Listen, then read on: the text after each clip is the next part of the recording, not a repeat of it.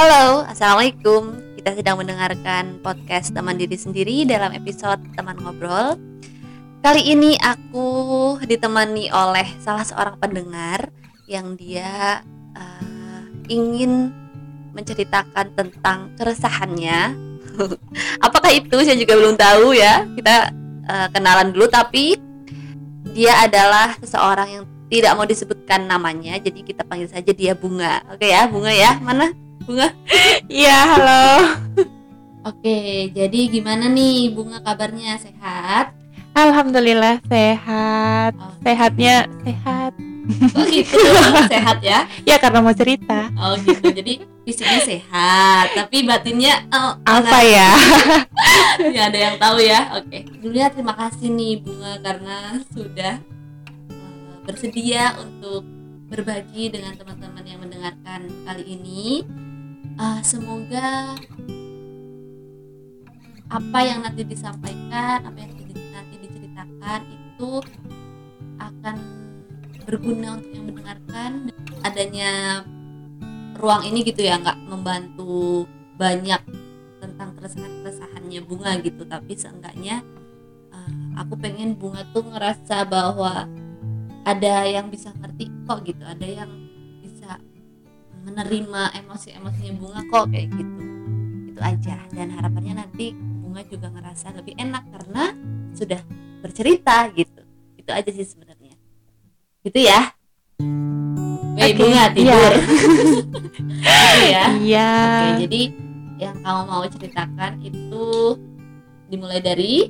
Ya, jadi gini sebenarnya sebelumnya terima kasih ruang ini telah memberikan ruang ya atau waktu untuk aku bercerita tentang apa sih yang ada di diri aku selama ini gitu. Sama. Jadi gini teman-teman, uh, sebenarnya aku itu ingin menyampaikan uh, keresahan-keresahan aku sih Seben sebenarnya gini. Aku itu orangnya uh, akhir-akhir ini ya. Mungkin bukan akhir-akhir ini juga sih dua tahun tiga tahun yang lalu aku pernah merasakan hal yang membuat diriku itu resah atau bingung atau cemas khawatir. Ah banyak lah negatif-negatifnya.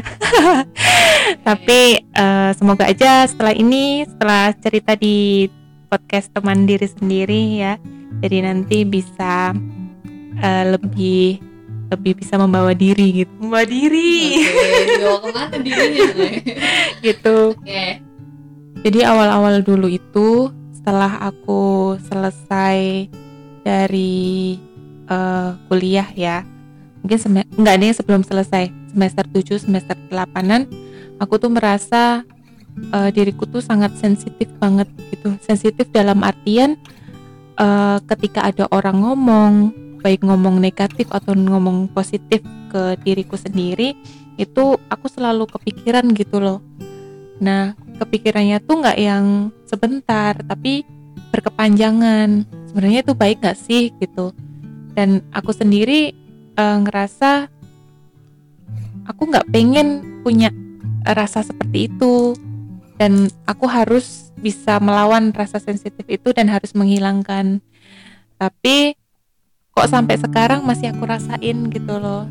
Sebenarnya gimana sih caranya biar nggak sensitifan? Ya mungkin ada positifnya ya kita ngerasa sensitif dan ada negatifnya juga kita ngerasain sensitif tapi nggak yang berlebihan juga. Tapi aku nggak tahu gimana caranya gitu. Nah menurutmu ya gimana sih caranya biar ya menetralisir rasa sensitif itu? Contohnya gini uh, ada orang yang kayak merendahkan atau meremehkan tentang apa yang kita lakukan gitu. Uh, tapi sebenarnya dia itu nggak bermaksud untuk meremehkan. Tapi aku sendiri yang merasa berlebihan kok dia seperti itu sih? Jadi aku kepikiran terus terus terus terus gitu. Dan alhasil eh, nggak uh, sebentar aku merasakan dan memikirkan itu. Contohnya kayak gini uh, ada salah satu orang yang menyampaikan ke aku dengan kata-kata seperti ini. Kamu tuh bisa loh melakukan hal yang lebih dari ini. Masih bisa makan kan? Gitu. Nah tapi orang itu nggak menyampaikan secara jelas maknanya masih bisa makan itu maksudnya apa. Nah aku nangkepnya kan beda-beda ya penafsirannya ya, pener, si penerima. Mungkin bah mungkin bahasa kali ya tapi aku sendiri nangkepnya masih bisa makan tuh seolah-olah uh, apa ya seolah-olah aku tuh nggak bisa makan gitu loh kalau nggak di situ. Paham nggak? Nah kayak gitu. Terus aku mikirnya tuh ya apa sih kok kok kayak gini banget? Emang aku salah ya? Emang aku jadi nyalahin diri sendiri gitu loh nah itu tuh gimana sih caranya biar nggak kayak gitu? Oke jadi mungkin lebih ke sensitif gitu ya, ya itu tadi ya. yang aku bilang bahwa aku tuh orangnya sensitifan. Dan ketika ada kalimat positif atau kalimat negatif yang disampaikan ke aku ya aku kepikirannya akan berkepanjangan. Oke jadi kamu ngerasa kalau hal itu salah apa enggak kadang aku ngerasa hal itu salah kadang juga aku ngerasa hal itu benar. Nah aku ngerasa itu salah ketika aku berpikiran itu negatif terus ke aku gitu. Tapi ketika aku ngerasa benar oh alhamdulillah ya aku ternyata ini ini ini gitu. Jadi nggak bisa membedakan apa namanya jadi tuh pem, apa berpikir yang berkepanjangan gitu loh berarti pikirin terus hal, -hal itu kalau ya? berarti kalau misalnya ada orang yang ngomong kamu A gitu kamu akan yang kayak bener bener gak sih aku A? Kenapa sih orang ini A? Kayak gitu ya. Hmm. lebih ke aku salah apa sih? Kok orang kayak gitu? Dan itu mungkin kadang terlalu berlebihan jadinya ke kamunya nggak enak gitu ya. Iya. Nah ngomong-ngomong itu juga aku juga orangnya nggak enakan. Jadi tuh apa apa selalu uh, aku apa apa aku selalu ya nggak enakan itulah tahu lah nolak gitu ya. Nah susah buat buat ngomong nolak pengennya iya gitu ya. iya iya iya iya. Karena tapi kenapa?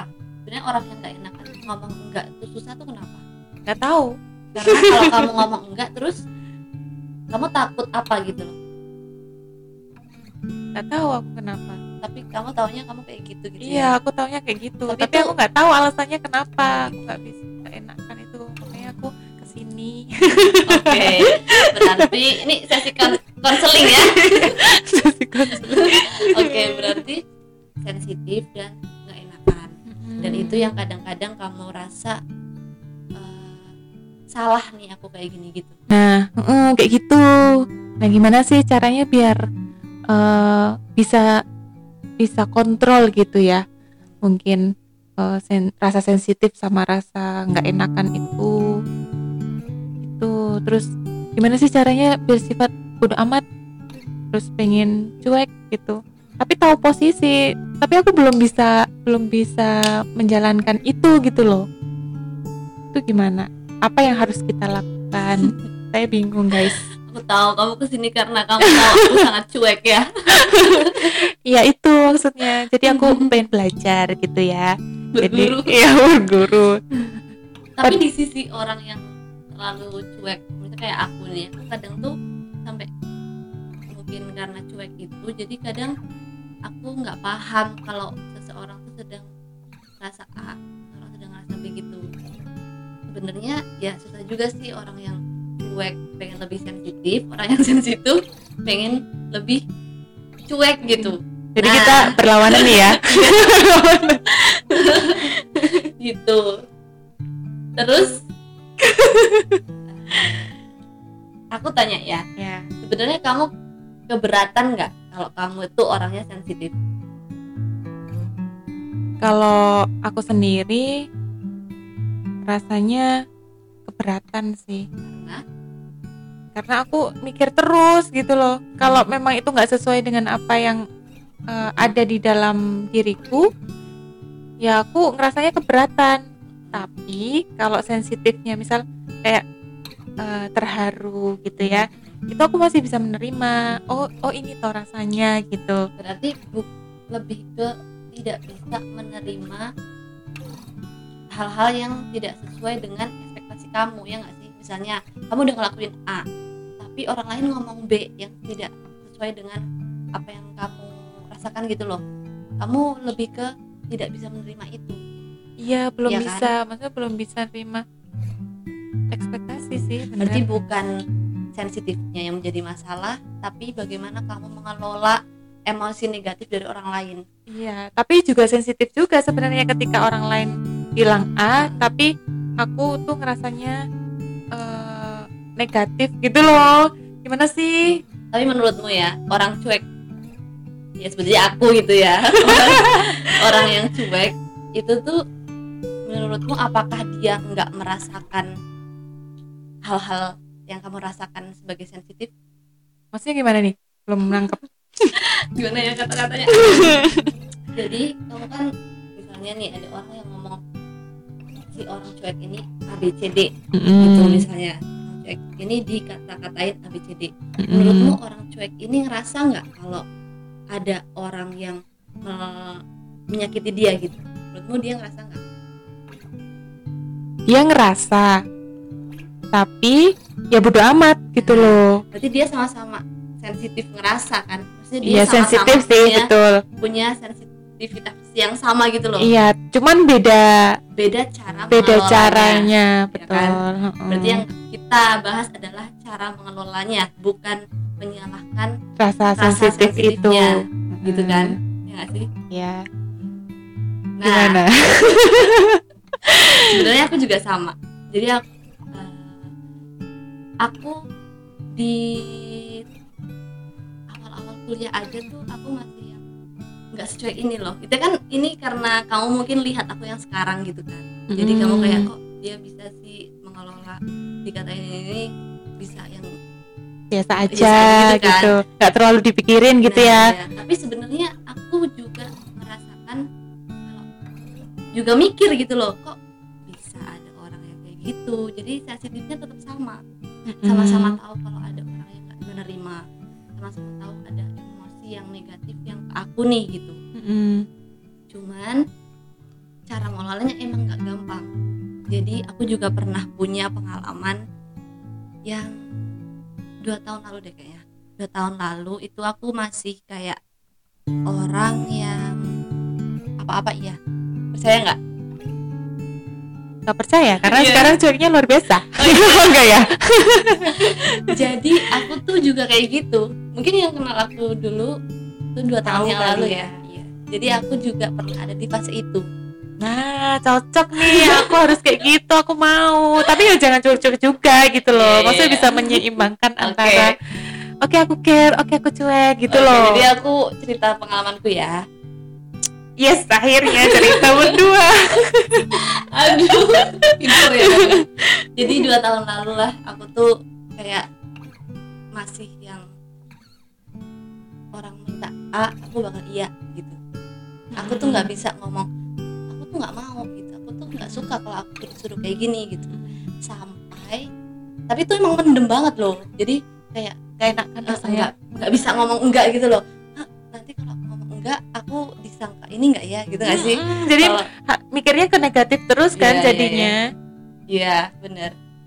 Kalau Ya, aku itu ngomong, yang kalau aku gak masalahnya. nerima ini aku gimana ya gitu Ya gak sih? ya itu permasalahannya. Iya, iya tahu. Iya iya iya. Terus Sampai suatu saat Aku gak mau cerita ini sih sebenarnya Cuman kayaknya itu akan membantu gitu Eh, terima kasih banyak ya Allah. Karena aku kayak udah nganggep ya udahlah kayak gitu. Cuman kadang kalau diingat lagi tuh sakit gitu Tapi ya udahlah. Gak apa-apa bermanfaat untuk orang lain. Insya Allah ya. Oke, nah aku tuh dulu pernah ngajar di sebuah uh, institusi gitulah ya dua tahun yang lalu. Suatu malam nih, aku kan ngajarnya itu ke anak-anak yang memang kuliah ke atas gitu loh, yang bertujuan belajar bahasa Inggris itu untuk udah levelnya udah tinggi gitu. Dan saat itu aku baru lulus kuliah baru banget lulus kuliah. Jadi ada hal-hal yang mungkin di teaching method atau di mana-mana di grammar atau di apa itu aku mungkin agak kurang. Karena emang aku baru banget nih ini pengalaman pertama aku untuk memberikan ilmu kepada orang yang setara setara dengan aku gitu. Bahkan lebih tinggi ya. Bahkan lebih tinggi iya bener gitu dan di situ ada salah satu satu eh, anak yang bertanya tentang sesuatu yang aku belum tahu jawabannya. Mm. di situ eh, aku memang diajarkan untuk menjadi gu- guru ya catatannya di sini menjadi guru yang kalau nggak tahu tuh juga nggak apa-apa kamu nggak harus memberikan jawaban padahal jawaban itu bohong gitu loh kamu boleh cross check dulu kalau emang kamu nggak tahu dan nanti disampaikan di eh, lain waktu ketika kamu udah tahu jawabannya Mm. itu nggak sih sebagai guru kan kita nggak yang ngejawab apa-apa "Eh, tahu ya." tahu kan kita kan juga kadang nggak tahu nggak apa-apa gitu Mm. Aku berusaha menerapkan itu. Jadi saat itu aku ngomong kalau eh, saya juga belum pokoknya belum menguasai di bagian ini. Nanti akan saya cross check ke buku yang lain juga apakah hal ini tuh memang eh, kayak gitulah. Intinya aku belum memberikan jawaban saat itu juga gitu. Tapi kemudian ada satu anak yang nggak menerima itu. Dia menuntut aku untuk tahu apa yang dia katakan saat itu juga karena menurut dia aku ini udah ngajarin di depan dia gitu loh dan udah kayak guru gitu iya kan dia nganggapnya ya aku tuh udah tahu segalanya gitu Mm-mm. dan mungkin tambah dia tahu aku baru lulus jadi kayak underestimate iya bener aku kayak di underestimate karena aku baru lulus Mm. Gitu. Nah meskipun sih dia juga belum lulus sih sebenarnya. Mm-mm. cuman mungkin ya karakternya mungkin seperti itu. Mm. dan dia nggak terima dan dia sampai bilang ya kalau kalau kamu nggak tahu ya buat apa terus kamu ada di sini? Oh bilang gitu? Iya. Oh. Itu tuh aku udah sampai yang oh gitu. Tek- ada yang nggak bisa. Dan aku karena aku orangnya kepikiran jadi aku yang jadi aku menyalahkan diri aku. Diri sendiri kan? akhirnya. Gitu kan? oh, oh, itu Aku- yang aku rasakan juga. Ayo aku, nanti aku mau cerita abis ini. Ya terus. Aku menyerah, menyalahkan. Kenapa sih aku belum tahu gitu? Harusnya tuh aku udah siap di depan itu. Aku udah tahu semuanya yang akan ditanyakan oleh eh, apa yang aku didik gitu loh. Terus aku setelah tapi di kelas itu semuanya diem ketika orang Satu itu itu. ngomong mm, ngomong kayak gitu. Dan aku diem.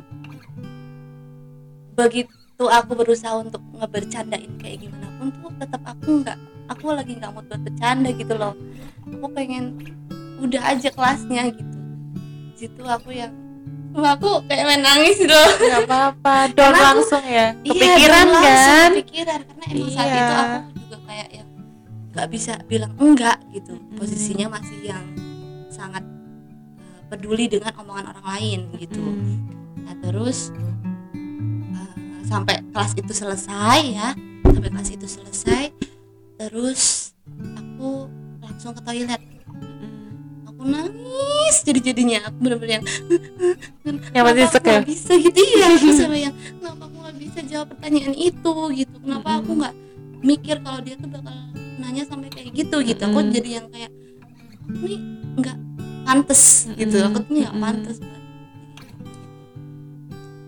aku udah langsung pulang nih sambil nangis tuh masih nangis. Mm-mm. saya aku kalau udah nangis emang susah banget berhenti kan. Meskipun Mm. aku tuh sebenarnya emang agak nggak nggak gampang nangis. Butuh ember? Oh enggak ya? Aku bener yang nangis dan aku nggak mau ketemu sama siapa-siapa gitu. Mm. sampai pas itu teman aku kita aku cerita sama teman aku malam itu juga. Jadi kebetulan emang ada temanku tuh sahabat aku ya. Itu dia yang emang ada di saat aku saat itu gitu. Terus aku ceritain semuanya itu dan dia intinya sih ngomongin banyak tentang aku. Dan dia mendengarkan. Dan itu kan yang sebenarnya sangat dibutuhkan kan yang bisa buat dengerin aja dulu gitu. Terus ada suatu saat dia bilang kamu tuh nggak bisa menyenangkan semua orang mau sampai kapan kamu menyenangkan semua orang? Yang ada kamu capek sendiri. Intinya kayak kayak gitulah. Di situ aku kayak yang buk gitu kayak iya. Ya? Iya langsung kayak iya aku nggak mau kayak gini lagi gitu. Berarti aku harus ganti fokus aku tuh bukan buat menyenangkan, menyenangkan orang lain. memuaskan orang lain tapi buat ngehargain aku sendiri gitu. Nggak apa-apa kalau kamu tuh nggak tahu gitu. Nggak apa-apa kalau kamu tuh masih belajar itu masalah ada di orang itu bukan bukan ada di aku. Itu emang berat sih. Jadi saat itu aku cerita sambil waan itu kan cerita terus sambil bener-bener nangis gitu loh sambil aku ngetik aku nangis aku ngetik aku nangis. Aku salah apa? Apa kalau aku nggak tahu tuh aku salah kayak gitu sampai kayak gitunya. Terus di situ aku yang kayak bodoh amat lah gitu mau kamu mau nganggap aku gimana juga. Serah yang penting aku tuh udah memaksimalkan apa yang aku tahu gitu nah di situ menjadi titik balik aku nggak peduli sama sekali. Omongan tapi orang. sama omongan orang. Tapi tidak peduli sama sekali itu juga hal yang tidak boleh gitu loh karena jatuhnya kita kayak egois dan eh, apa sih ya pengen di ngertiin terus gitu loh ya gak sih? Nah di situlah harus punya keseim banget nah itu lah. melangkah untuk ke sana itu penuh dengan mm, perjuangan dan penuh dengan ya aku harus lakukan ini mau nggak mau ya harus gitu kan. Tapi gimana caranya? Memang memang proses ya? Atau memang harus kita lakukan harus kita paksa atau gimana menurut aku namanya pengalaman itu dia harus merasakan sendiri. Nah yang aku baca dari kamu kamu sudah merasakan bahwa ada yang salah nih di diri aku. Dan itu udah one step ahead gitu loh. Udah kamu udah merasakan aku nggak boleh kayak gini. Itu yang aku pas malam itu. Ya nggak sih? Jadi sekarang untuk eh, sampai sekarang itu ka- kamu bisa menemukan bahwa kayaknya di diri aku. Kayaknya aku nggak boleh kayak karena yang rugi aku gitu kan. Yang orang ngomong itu dia nggak rugi apa-apa. Jadi itu udah suatu hal yang bagus. Karena kita tahu bahwa harusnya nggak kayak gini nih seharusnya yang terjadi gitu kan. Itu udah bagus. Selamat. Tapi- selamat ya. Alhamdulillah. Sama sudah di tahap itu gitu ya. Baiklah. Cuman sekarang PR-nya itu adalah bagaimana menyeimbangkan. Berarti kita harus percaya bahwa kita tuh juga manusia gitu loh.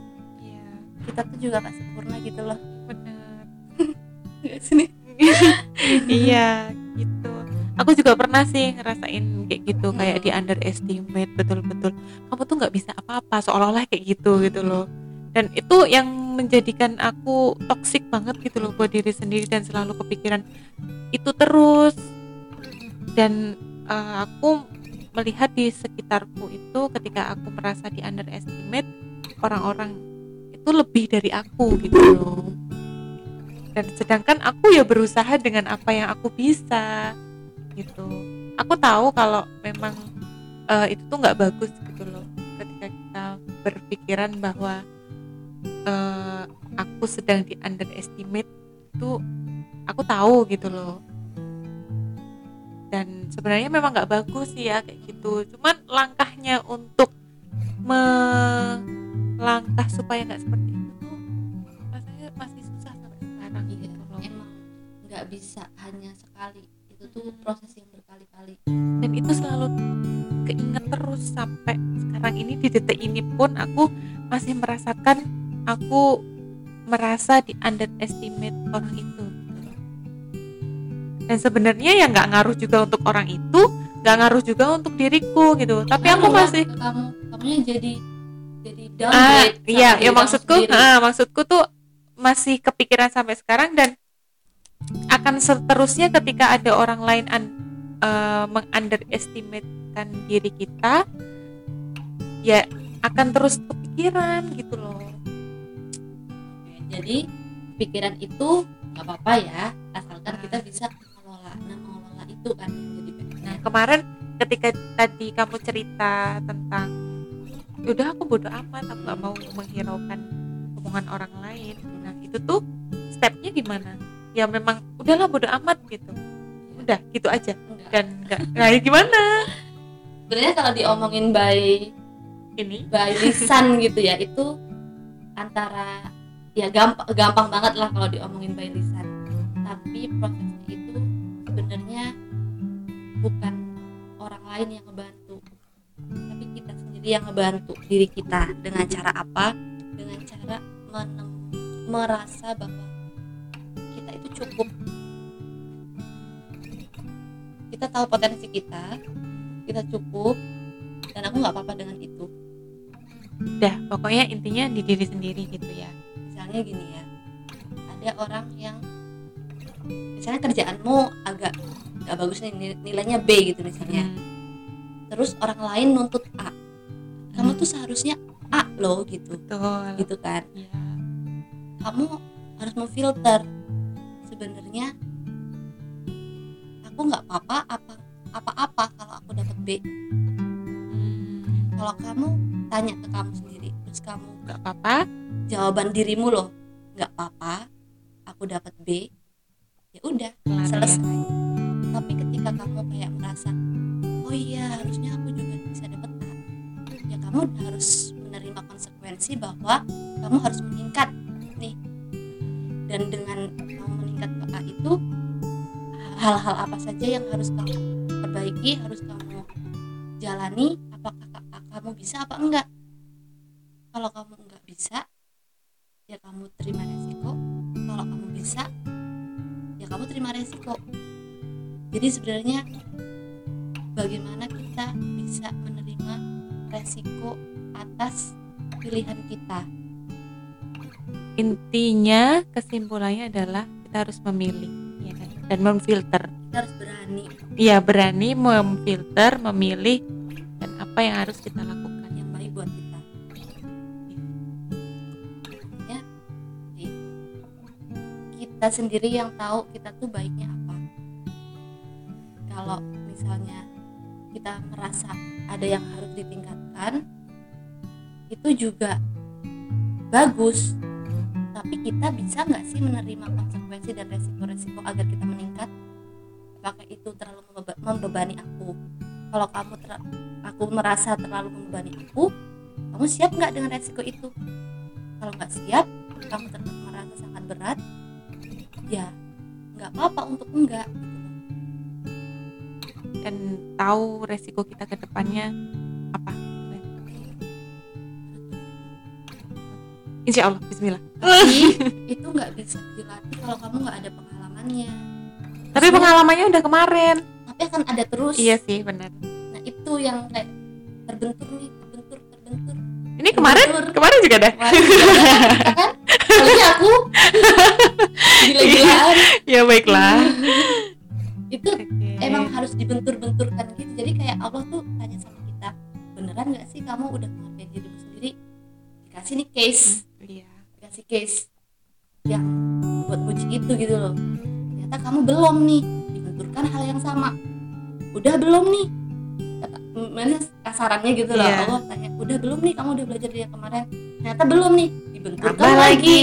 lagi. Dengan hal yang sama. Sampai nanti sendiri yang Benar. bisa itu. Kalau aku menceritakan pengalamanku untuk kamu ambil dan kamu rasakan itu nggak bisa. Benar. Kamu harus ngerasain sendiri. Cuman seenggaknya aku ya bisa bantu untuk apa pun yang terjadi kamu harus selamat. Iya. Kamu harus selamat dulu sebelum menyelamatkan hal-hal lain. Pokoknya intinya fokus ke diri sendiri dulu ya. Iya enggak iya sih. Iya. Apa gimana? Tapi juga nggak menye- menye- mengesampingkan orang lain juga. Sebenarnya fokus ke diri sendiri itu bukan berarti terus kita nggak melihat ke arah yang lain. Tapi kita lihat nih semuanya arah arah aku kalau kayak gini orang ini kayak gimana? Oh kayak gitu kalau aku nggak kayak gini orang ini kayak gimana? Tapi kita nentuin yang kita mau ambil resikonya apa itu kita harus terima kadang kita terlalu pusing itu kalau nah, aku udah ngelakuin ini nih kok nggak terjadi kayak gini? Berarti dia nggak siap dengan resiko yang sudah dia ambil si dua mata sisi gitu loh kayak uang. Kalau kamu pilih yang ini kamu dapat ini jeleknya ini bagusnya ini.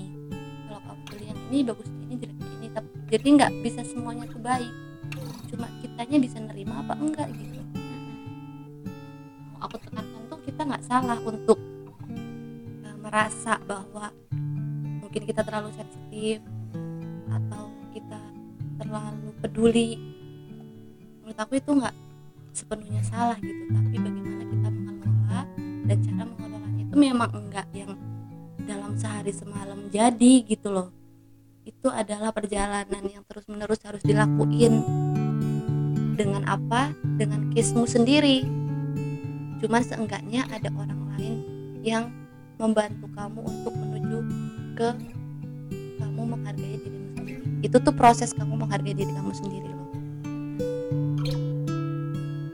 Itu kamu boleh menyelamatkan siapa pun boleh memperdulikan siapa pun tapi kamu bahagia enggak gitu tapi emang nggak bisa hanya satu kali terjadi sesuatu terus kamu akan langsung pro gitu. Nggak nikmati prosesnya. Tapi untuk menyadari kalau kamu harusnya tidak seperti itu harusnya kamu bisa mengelola itu itulah yang dibutuhin cara pengelolaan cara mengelola diri sendiri. Iya. Nah habis ini episodenya itu. Cara cara mengelola bisa. nggak bisa ya? Aku nggak bisa ngomongin itu karena case nya orang akan beda-beda. Beda-beda. Bagaimana dia bisa menerima aku misalnya aku bisa menerima kalau orang ini misalnya A tapi kamu nggak bisa nerima. Nggak apa-apa karena kita beda. Kamu misal bisa nerima B tapi aku nggak bisa. Nggak apa-apa karena kita Oke. beda. Cuman karena misal aku nggak terima terus aku nggak bisa ngedapetin ini nih kalau aku nggak terima ini gitu. Nggak apa-apa juga. Jadi jangan menuntut resiko atau konsekuensi yang harus menerima itu gitu. Misalnya nih aku haus nih ya. Aku haus. Aku ngerasa kalau aku haus. Terus ketika aku haus aku ada dua pilihan kan?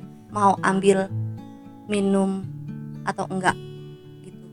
Kalau kamu mau ambil minum itu konsekuensinya kamu akan tidak haus lagi tapi kamu akan ngasih usaha buat ngambil minum itu. Gitu kan. Tapi kalau kamu nggak mau ambil minum itu kamu emang nggak akan mengeluarkan usaha tapi kamu akan tetap kehausan. Kamu mau milih yang mana itu terserah kamu asalkan kamu mau menerima resiko itu. Sama ketika ket- orang lain ngomong ABC terus kamu nggak ngelakuin atau nggak mikirin mikirin sih jelas mikirin ya kayaknya. Cuman kamu ngelakuin apa yang mereka omongkan itu terus kamu nerima konsekuensi itu apa enggak gitu. Kalau aku nggak ngelakuin mereka tapi aku kayak gini dan konsekuensinya itu selalu harus ke kita sendiri sih. Aku seneng nggak kalau ngelakuin itu gitu. Berarti intinya harus bisa menerima konsekuensi dengan apa yang kita pilih aku juga ini berdasarkan dari pengalaman ya apa yang pengalaman aku cerita. lakuin ya dan belum belum tentu juga itu akan bekerja di orang Semua lain orang. gitu di semua orang. Mas jauh ini itu yang aku lakuin biar melindungi menghargai apa yang menjadi pilihan-pilihan aku. Eh, pernah nggak sih kamu merasa tidak dihargai orang lain? Pernah lah terus apa yang kamu lakukan? Nangis. Ya itu jelas ya Jelas. sama perempuan. Jelas nangis. Banget tahu Hmm, Dan berkali-kali. kayak nangis dong dan terus. berkali-kali. Makanya itu sebuah perjalanan berkali-kali gitu. Iya. dan apa yang kamu lakukan ketika kamu tidak dihargai? Itu benar-benar yang nggak percaya lagi. Nggak ada orang yang percaya lagi sama aku kecuali tiga orang. Siapa tuh? Yaitu teman-teman aku. Yang aku jaga sampai sekarang. Karena dia pas aku down benar-benar yang aku dihina dicaci maki difitnah. Itu tuh mereka ad- ada dan percaya sama omonganku. Ada tiga orang dari berpuluh-puluh orang yang kenal sama aku. Itu yang aku lakuin adalah nangis. Ya jelas ya. Nangis. Aku ke kamar. Iya ke kamar temanku. Terus buka kamar dia terus kamu yang kayak gitu bener-bener nangis. Iya. dia cuma yang dengerin dan nggak nanya apa-apa. Aku emang nggak butuh ditanya apa-apa. Aku cuma butuh ditemenin aja gitu. Nangis udah jelas itu. Setelah itu bentuklah lingkungan yang bisa menerima kamu. Tinggalin yang nggak bisa nerima kamu. Maksudnya bukan tinggalin yang udah aku nggak peduli gitu nggak ya. Maksudnya set boundaries. Oh aku tahu caranya adalah dengan Apa itu? membuat circle. Oke. itu sebenarnya ada di ilmu psikologi sih. Jadi kita tuh ada namanya itu pertemanan itu ada circle-circle-nya. Pernah Iya, dengar nggak pernah. pernah jadi ada yang circle one circle two itu betul. sampai circle tiga sampai Hmm. empat gitu ya ya Hmm. gitu Dan itu beda-beda. nah itu beda-beda jadi circle yang pertama itu pasti akan lebih kecil daripada circle kedua kedua akan lebih kecil dari circle ketiga yang artinya circle circle pertama kamu itu pasti hanya akan diisi oleh beberapa orang aja di circle pertama itu misalnya nih eh, kalau aku circle pertamaku adalah misalnya tiga sahabatku tadi dan akan terus dimonitoring ya selama aku hidup ini gitu. Ada orang yang bisa ke circle aku atau enggak nih gitu circle pertama. Itu kamu bisa menceritakan tentang apa pun. Orang-orang yang kamu bisa terima dengan menceritakan apa pun tanpa tanpa kamu merasa terbebani jadi di circle pertama itu adalah orang-orang yang bisa menerima jeleknya kamu buruknya kamu ketika kamu cerita kamu bisa all out cerita. Itu adalah circle pertama. Dan nggak harus keluarga. Mm. kalau misalnya ada beberapa orang yang keluarganya itu keluarganya itu dianggap jauh. Dia nggak merasa punya keluarga gitu. Kan banyak ya orang kayak gitu. Nggak harus memaksakan keluarga untuk menjadi circle pertama kamu. Gitu. Tapi kalau kamu punya circle pertama keluarga itu jauh lebih bagus ya. Yang jelas circle pertama ini cuma kamu yang tahu orang mana sih yang bisa kamu masukkan ke circle pertama. Yang mana semuanya akan kamu all out ke orang-orang ini. Dan itu orangnya sedikit nggak banyak. Cuma mungkin tiga orang dua orang mungkin mungkin satu orang. Terus kemudian kamu set lagi circle kedua. Circle kedua ini adalah orang-orang yang oke deket mungkin bisa keluar bareng tapi untuk masalah yang sedip itu kamu tidak begitu bisa keluar itu adalah circle kedua otomatis udah beda dong pembahasan di circle pertama dan circle kedua Karena beda lingkup juga ya. Iya, karena beda lingkup juga. Kira-kira omongan mana yang akan kamu masukkan? Circle per- lebih maksudnya misalnya nih, circle pertama ngomong A, circle kedua ngomong B. Mm-mm. Itu sama-sama mengganggu pikiran kamu. Mm-mm. Omongan mana yang akan kamu peduliin? Circle pertama Iya, karena dia kenal kamu. kenal aku, dekat dengan aku, Iya.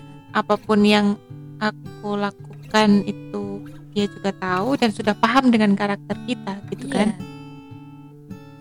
Itu yang mm, dilakukan ketika tidak dihargai kemudian cerita ya mungkin ya atau berbagi atau ya itu tadi. Iya. Terus misalnya nih, Ceritain. aku tanya ya, omongan temenmu atau omongan itu yang masih kamu ingat sampai sekarang itu kira-kira dari circle yang mana? Omongan yang mana nih? Yang mis- kamu masih kepikiran kayak pernah diomongin sama orang gini-gini gitu. Orang itu menurutmu sekarang circle keberapa?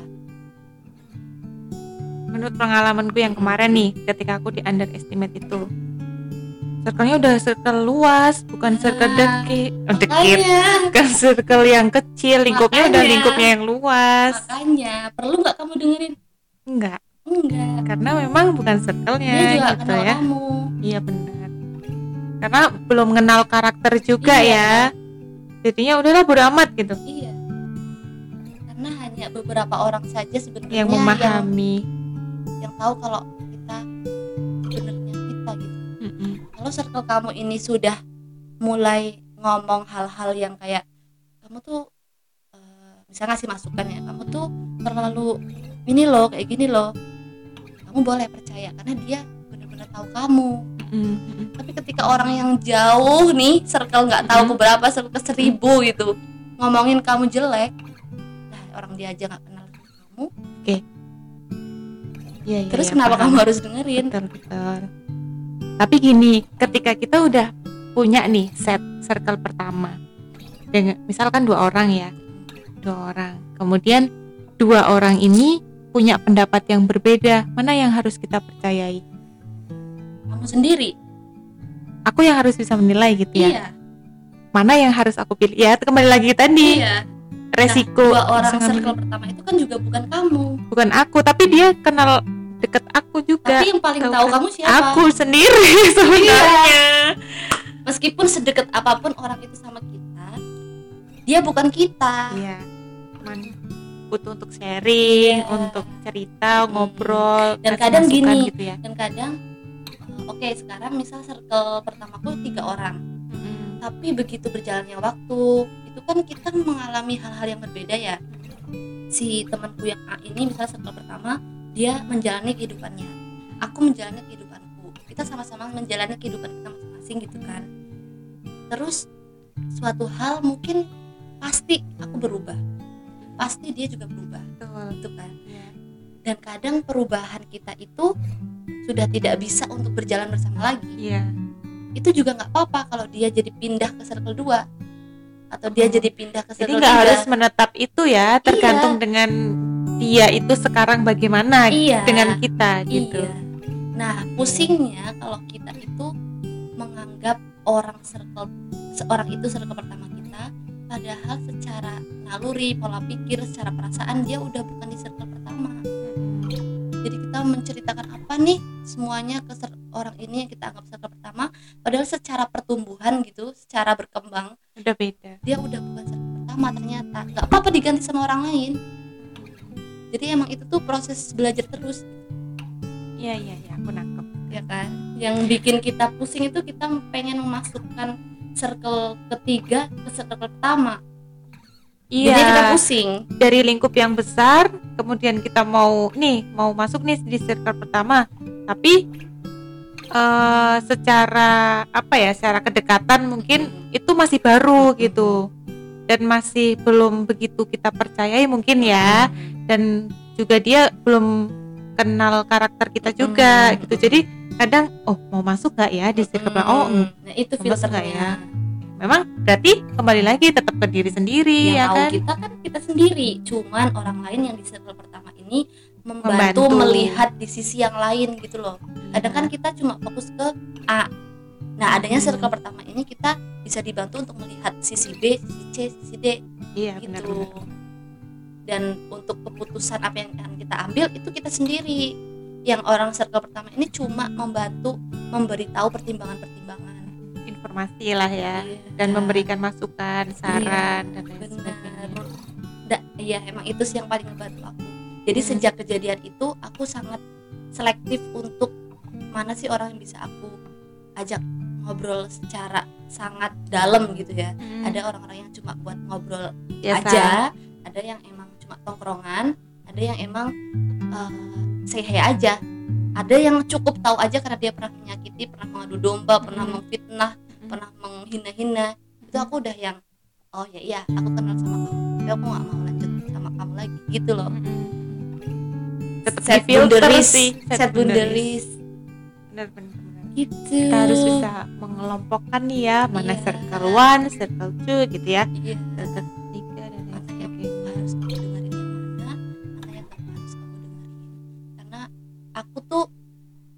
aku ya. Misal ada orang ngomong aku gini gini gitu.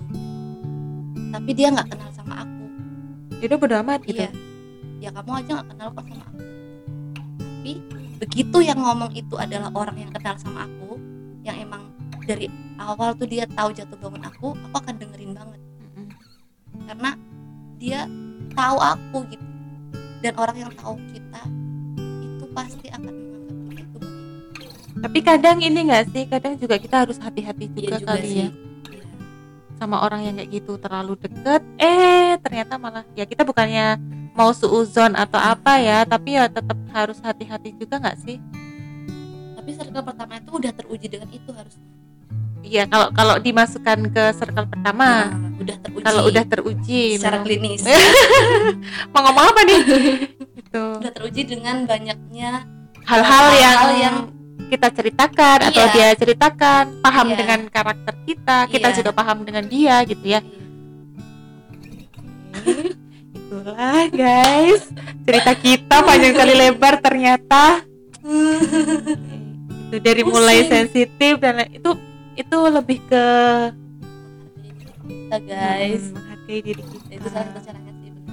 tapi circle pertama ini juga bukan berarti dia harus Jadi yang udah lama maksudnya udah lama kenal nih jadi dia circle pertama aku bukan dari seberapa lama kenalnya tapi Hmm. seberapa lama dia bisa ngertiin kamu ngertiin kenalin Mm-mm. ya kan apalagi Mm. kadang aku juga aku memang punya circle pertama yang sejak udah lama gitu ya Iya. cuman aku juga tidak menutup kemungkinan untuk mengenal orang baru dan dia bisa ke circle pertama aku karena apa karena mungkin kita ada kesamaan eh, pola pikir Iya.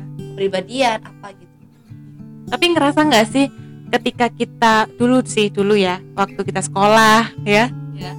waktu kita sekolah atau waktu kita kuliah itu kan otomatis temannya beda ya antara kuliah dan juga apa namanya sekolah gitu. Dulu tuh deket bisa nih jadiin circle pertama tapi sekarang ketika udah mungkin kerja atau mungkin udah punya keluarga sendiri itu udah beda gitu loh. Walaupun dulunya dia sangat sangat mengenali kita gitu. Itu Terus- tadi apa ya yang diceritain kamu tadi antara circle orang yang di circle pertama itu bisa berubah loh di Iya. circle keempat lima enam dan Iya, seterusnya karena gitu. kita sama-sama tumbuh dan berkembang di lingkungan yang berbeda Iya. tumbuh dan berkembang nggak? Enggak ya. Atau tumbuh dan melebar? Tumbuh dan berkembang dan meninggi dan melebar di lingkungan yang berbeda ya. Baiklah. Jadi enggak selamanya. Nggak selamanya. Uh-uh. berarti kalau misalkan kita punya masalah yang seperti itu tuh misal tidak dihargai saat itu juga berarti ya yang jadi pat jadi patokan kita ya saat itu juga bukan yang circle kemarin-kemarin. Iya, yang mana udah lewat udah move on dah Iya. ya Kemarin udah lewat. nah sekarang aja. Nah menikmati hidup yang sekarang itu tuh susah banget. Pasti orang tuh kebanyakan eh, sekarang nih emang badannya tapi hatinya misal di depan atau hatinya di belakang. Atau pikirannya terlalu jauh ke depan atau terlalu jauh ke belakang. Benar. Padahal kita harusnya menikmati hidup kita yang sekarang. Iya. Dan kadang juga kita khawatir dengan masa depan. Cie masa depan. Nah, khawatir sebenarnya nggak apa-apa sih. Oh, itu kan kayak memonitoring oh kalau aku masa depannya nggak kayak gini mungkin aku kayak gini kayak kayak lebih mempersiapkan diri untuk hal-hal yang buruk nggak sih? Kalau khawatir. Cuman kalau terlalu khawatir jadi takut jadi nggak maju itu sih. Tapi itu juga PR aku banget karena aku penakut. Aku takut. Iya. Aku aku takut. tahu takut apa dulu aku nih? takut A aku takut B aku takut C. Kadang aku cuma butuh didorong gitu loh. Ah, gitu. Kayak kemarin ya kan? Eh enggak nih. Iya sih. Ya itu. Ya, aku tuh banyak pertimbangan. Tapi juga sebenarnya kita takut eh, untuk melangkah tuh baik gak sih? Eh untuk hati-hati. Ya untuk Baik. hati-hati. Aku ini ya tahu semuanya harus hati-hati iya, sih aku ini tahu secara teori Klinis. ya. ya? selalu secara teori. Untuk hati-hati itu bagus. Misalnya kita pernah gagal terus kita hati-hati nih biar nggak terjadi kegagalan yang sama itu bagus. Tapi kehati-hatian itu terus menjadikan kita tidak maju itu yang nggak bagus. Dan aku PR banget masih. Tapi aku oke terus ayo ayo. Kadang tuh kita kalau stuck di sesuatu yang salah kita tuh ngerasa loh kalau itu salah. Sebenarnya kita mau perbaiki apa enggak apa kita pengen kayak gini terus kalau enggak ya udah ayo maju. Gitu benar. Pernah gak sih disakiti? Waduh kok jadi belok ya ini? Udah nggak Obrolan. guys ya ampun udah bentar lagi ya dua menit lagi. Kenapa pernah gak disakitin? Ci, ya pernah lah. Terus kalau misalnya ada orang yang datang kembali trauma nggak dengan rasa disakitin itu? Orang yang sama. Dengan orang yang sama atau perlu filter lagi sama seperti tadi? Iya perlu gitu terus. Iya ya terus biar kita nggak terjerumus gitu dengan atau biar kita ingat nggak- Allah nak. Iya aku tahu kalau itu insya Allah mudah-mudahan. Iya, bukan jawaban ya. Iya. itu biar biar kita tuh nggak mengulangi lagi tuh loh dengan hal yang sama. Itu gimana? Oke jadi ini aku spesifikkan kalau misal mantan balik gitu ya ini nanti yang denger ini eh, tahu gimana. Nggak kalau aku ya aku menanggapi dengan kalau mantan balik lagi. Ini kayaknya dikat deh gimana? Nggak, nggak usah ya dengar aja nih mantan mantan ini kayaknya dikat aja deh biar nggak usah terlalu panjang ya kan? nggak nggak. Sini sini. Oh iya ya baiklah. Oh Jadi- masih ya? menurut aku uh, ketika seseorang pernah menyakiti dulu terus dia kembali lagi itu dia. Gimana caranya? Padahal kita udah mati-matian nih buat move on buat jangan deh jadi sedih kan? Lo kan? Ya kan? Iya nggak apa-apa. Yuk yuk Ya, terus aku lanjut. juga pernah ada di sana. Ah ya baik. Oh sama. Berarti kita punya ceritanya sama guys. Ini buat pengalaman aja ya yang yang relate dengan ini. Eh, berarti kita sama. Kalau enggak ya enggak. Aku Alhamdulillah. sih sebenarnya nggak yang nggak yang nyuruh Terlalu. kamu untuk enggak karena yang tahu itu balik lagi. Dirimu sendiri. Kamu mau dan siap atau enggak untuk menerima konsekuensi dan resiko-resiko itu. Tapi seenggaknya kamu lihat beberapa ini untuk kembali dengan orang yang sama ya. Number one? Number one adalah apakah dia masih sama sikapnya sama kamu? Misalnya dia itu posesif misalnya. Iya. apakah ketika pisah menurut aku ya orang yang pisah it- dan balik lagi aduh orang yang pisah dan balik minum lagi minum minum. itu bisa kembali boleh kembali asalkan dia sudah melalui perenungan yang dalam perenungan yang lama. Jadi bukan yang sekarang putus terus seminggu apa sebulan terus balik lagi menurut aku tuh nggak ada perubahan. Plus nggak ada perubahan. Gimana gimana capek iya iya iya oke. Terus? Tapi misalnya dia udah pisahnya tuh benar-benar pisah selama bertahun-tahun. Pasti ber- selama bertahun-tahun ini udah lama pasti dia memiliki perenungan yang dalam. Iya. Sudah direnungkan matang-matang dan ternyata balik lagi ke kamu Iya. misalnya. Lima tahun guys. Menurut itu itu bisa dipertimbangkan kalau pisahnya udah lama gitu loh. Karena selama pisah itu pasti dari cewek atau cowok itu me- memikirkan kembali apa aku salah apa ya kurang apa memperbaiki diri gitulah Mm. Nah, pertanyaannya ketika dia kembali, apakah sifat-sifat dan hal-halnya itu masih sama atau enggak? Kalau masih sama, menurut aku nggak usah. Dan itu Maksudnya maksud ya? sama ke ke ininya loh, ke hal-hal yang kamu tidak bisa menerima loh.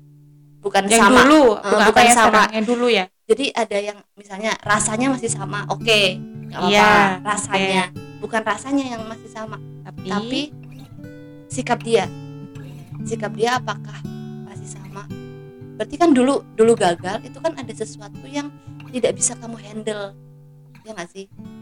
Aku atau dia yang ya, iya, handle gitu antara kan kedua antara itu. keduanya. Ada sesuatu yang kalau dia kayak gitu ternyata aku nggak bisa nih ternyata aku sakit banget loh kalau dia kayak gitu. Nggak bisa Nggak bisa nih, gitu. ya nggak bisa menerima nih gitu.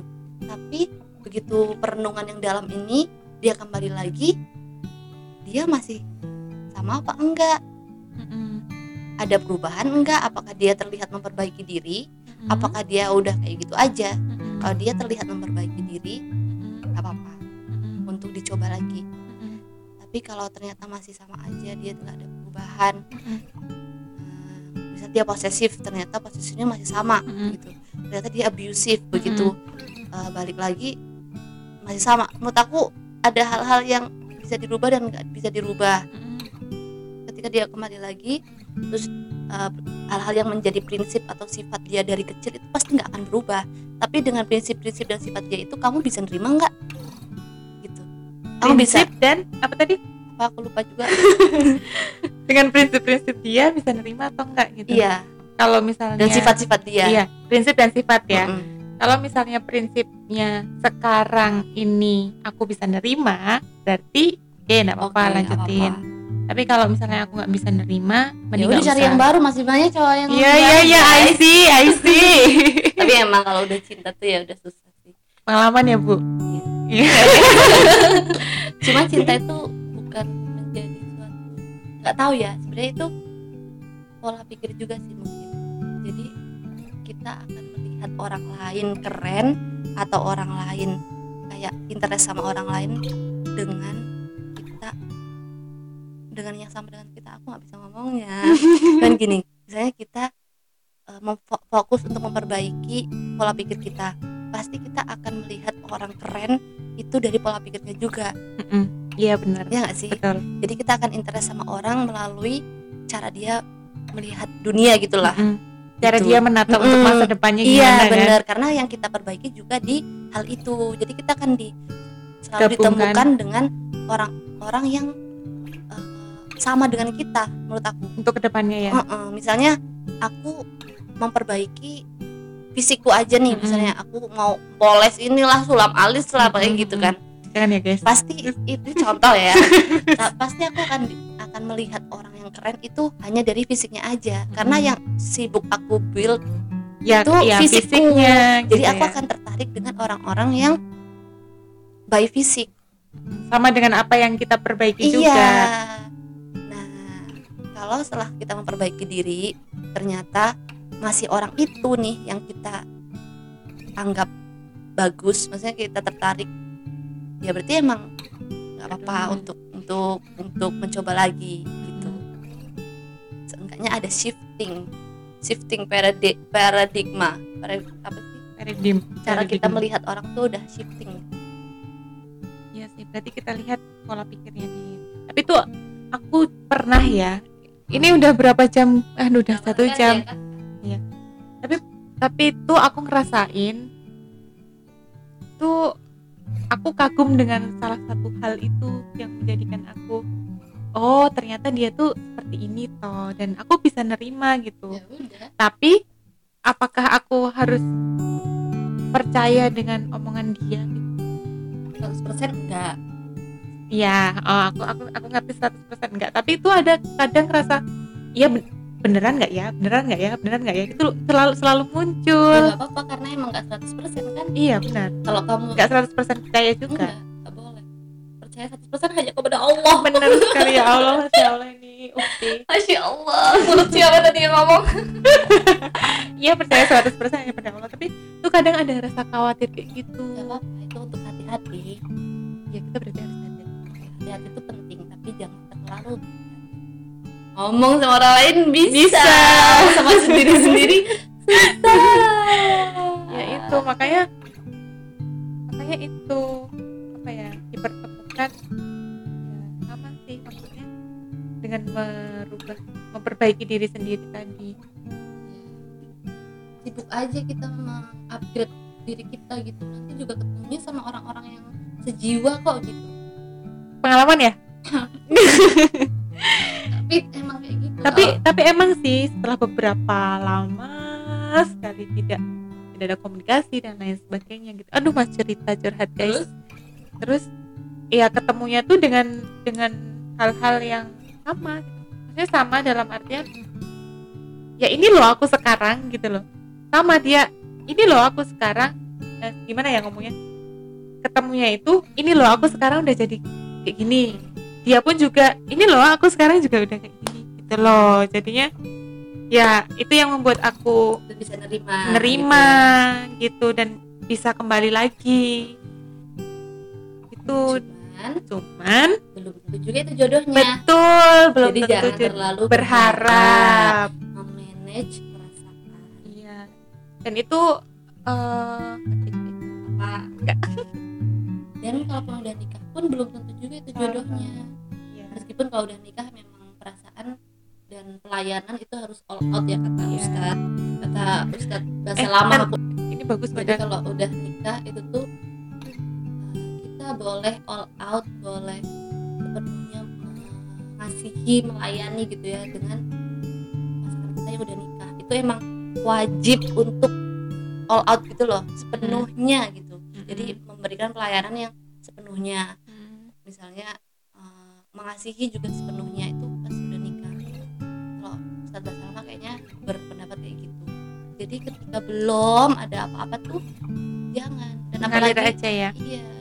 Ya, ya buat ngalir juga sih maksudnya. Ya secukupnya, Ya, secukupnya. mengasihi sebagai sesama manusia. Iya. Dan aku pernah dengar juga sih ketika seseorang itu bu, belum jadi apa ya pasangan kita secara halal gitu ya, itu masih orang lain, ya nggak sih? udah nikah juga tetap orang, Orang lain lain iya juga sih, bener. Udah ada ini aku nggak bisa kalau misalnya nikah nanti terus kayak kita tuh Sama-sama, menjadi terus- satu satu orang ya nggak bisa pikiran juga iya beda kan? nah makanya tetap meskipun kita menikah kita tetap menjadi dua orang yang berbeda yang mana harus saling terus berkompromi akan kehidupan ini gitu loh cuma bedanya cara kita berkompromi itu kita harus yang satu tujuan satu visi satu misi gitu cuma Udah siap ya? ya, aku dan Allah yang tahu Masya Allah. cuman untuk menjadi dua orang tetap kita adalah dua orang yang Iya, berbeda dan orang gitu. lain sih ya, aku cuman tetap yang- aku kamu tetap kamu jangan sampai kehilangan diriku kamu juga jangan sampai kehilangan dirimu kita tetap dua orang berbeda cuman kita harus terus berkompromi Saling hal-hal yang sama memahami gitu. mungkin ya. iya Saling memahami. Tuh catat guys, saling memahami. cuma butuh itu sih udah tinggal aja orang paham Iya. gak ada pertanyaan udah paham Oke, baiklah. Itu sih ini kalian jangan menelan mentah-mentah apa yang kita ceritakan ya Iya. karena ini by personal kita jadi Iya. kalau nggak sesuai atau tidak bisa diaplikasikan ke dalam kehidupan kalian pun nggak apa-apa cukup bercerita tapi kalau bermanfaat ya Iya. Kita hanya bercerita di sini. Ingin didengarkan? Eh enggak ya? Enggak. mau nih. dengerin monggo kalau enggak Ya juga udah. Oke, gitu aja. Karena sa- Terakhir eh apa kesan dan pesan setelah bercerita dan belum bercerita kesan dan pesan setelah saya diundang nggak diundang sih sebenarnya ingin sendiri. setelah apa ya ngobrol ngobrol-ngobrol dan diberi ruang ini untuk diri saya sendiri. Terima kasih sekali podcast diri sendiri. bayar Jangan lupa follow ya. Oke, pokoknya buat teman-teman yang mau cerita boleh mampir ke podcastnya diri sendiri ya kan. Nih, udah aku promokan loh. Itu. Ya alhamdulillah terima kasih banyak untuk podcast diri sendiri dengan ruang ini. Alhamdulillah jadi mudah-mudahan ya, mudah-mudahan jadi lebih bisa memanage diri sendiri. Proses ya. Dan Insya Allah sangat bermanfaat. Ih, thank you so much. Terima kasih. Oh ya, satu lagi bagi yang mau mendengarkan Alhamdulillah, enggak juga nggak apa-apa. Yang mau mengaplikasikan juga Alhamdulillah, enggak juga nggak apa-apa, ya kan? beda-beda ya Oke. Baiklah, terima kasih sekali podcast teman diri sendiri. Jangan lupa follow ya. Tetap semangat guys. oke sama-sama semuanya lo kok aku yang jawab ya sudah Bye bye. rasanya gimana Oh iya belum ya? perasaannya perasaannya perasaanku setelah bercerita di sini ternyata tidak hanya saya yang merasakan tetapi Ternyata. mungkin oh, banyak di luar sana yang merasakan hal sama. Berarti kita sekupu guys. Kalau sepupu udah boleh. Eh. Eh apa tuh? Oke. Terus? Oke.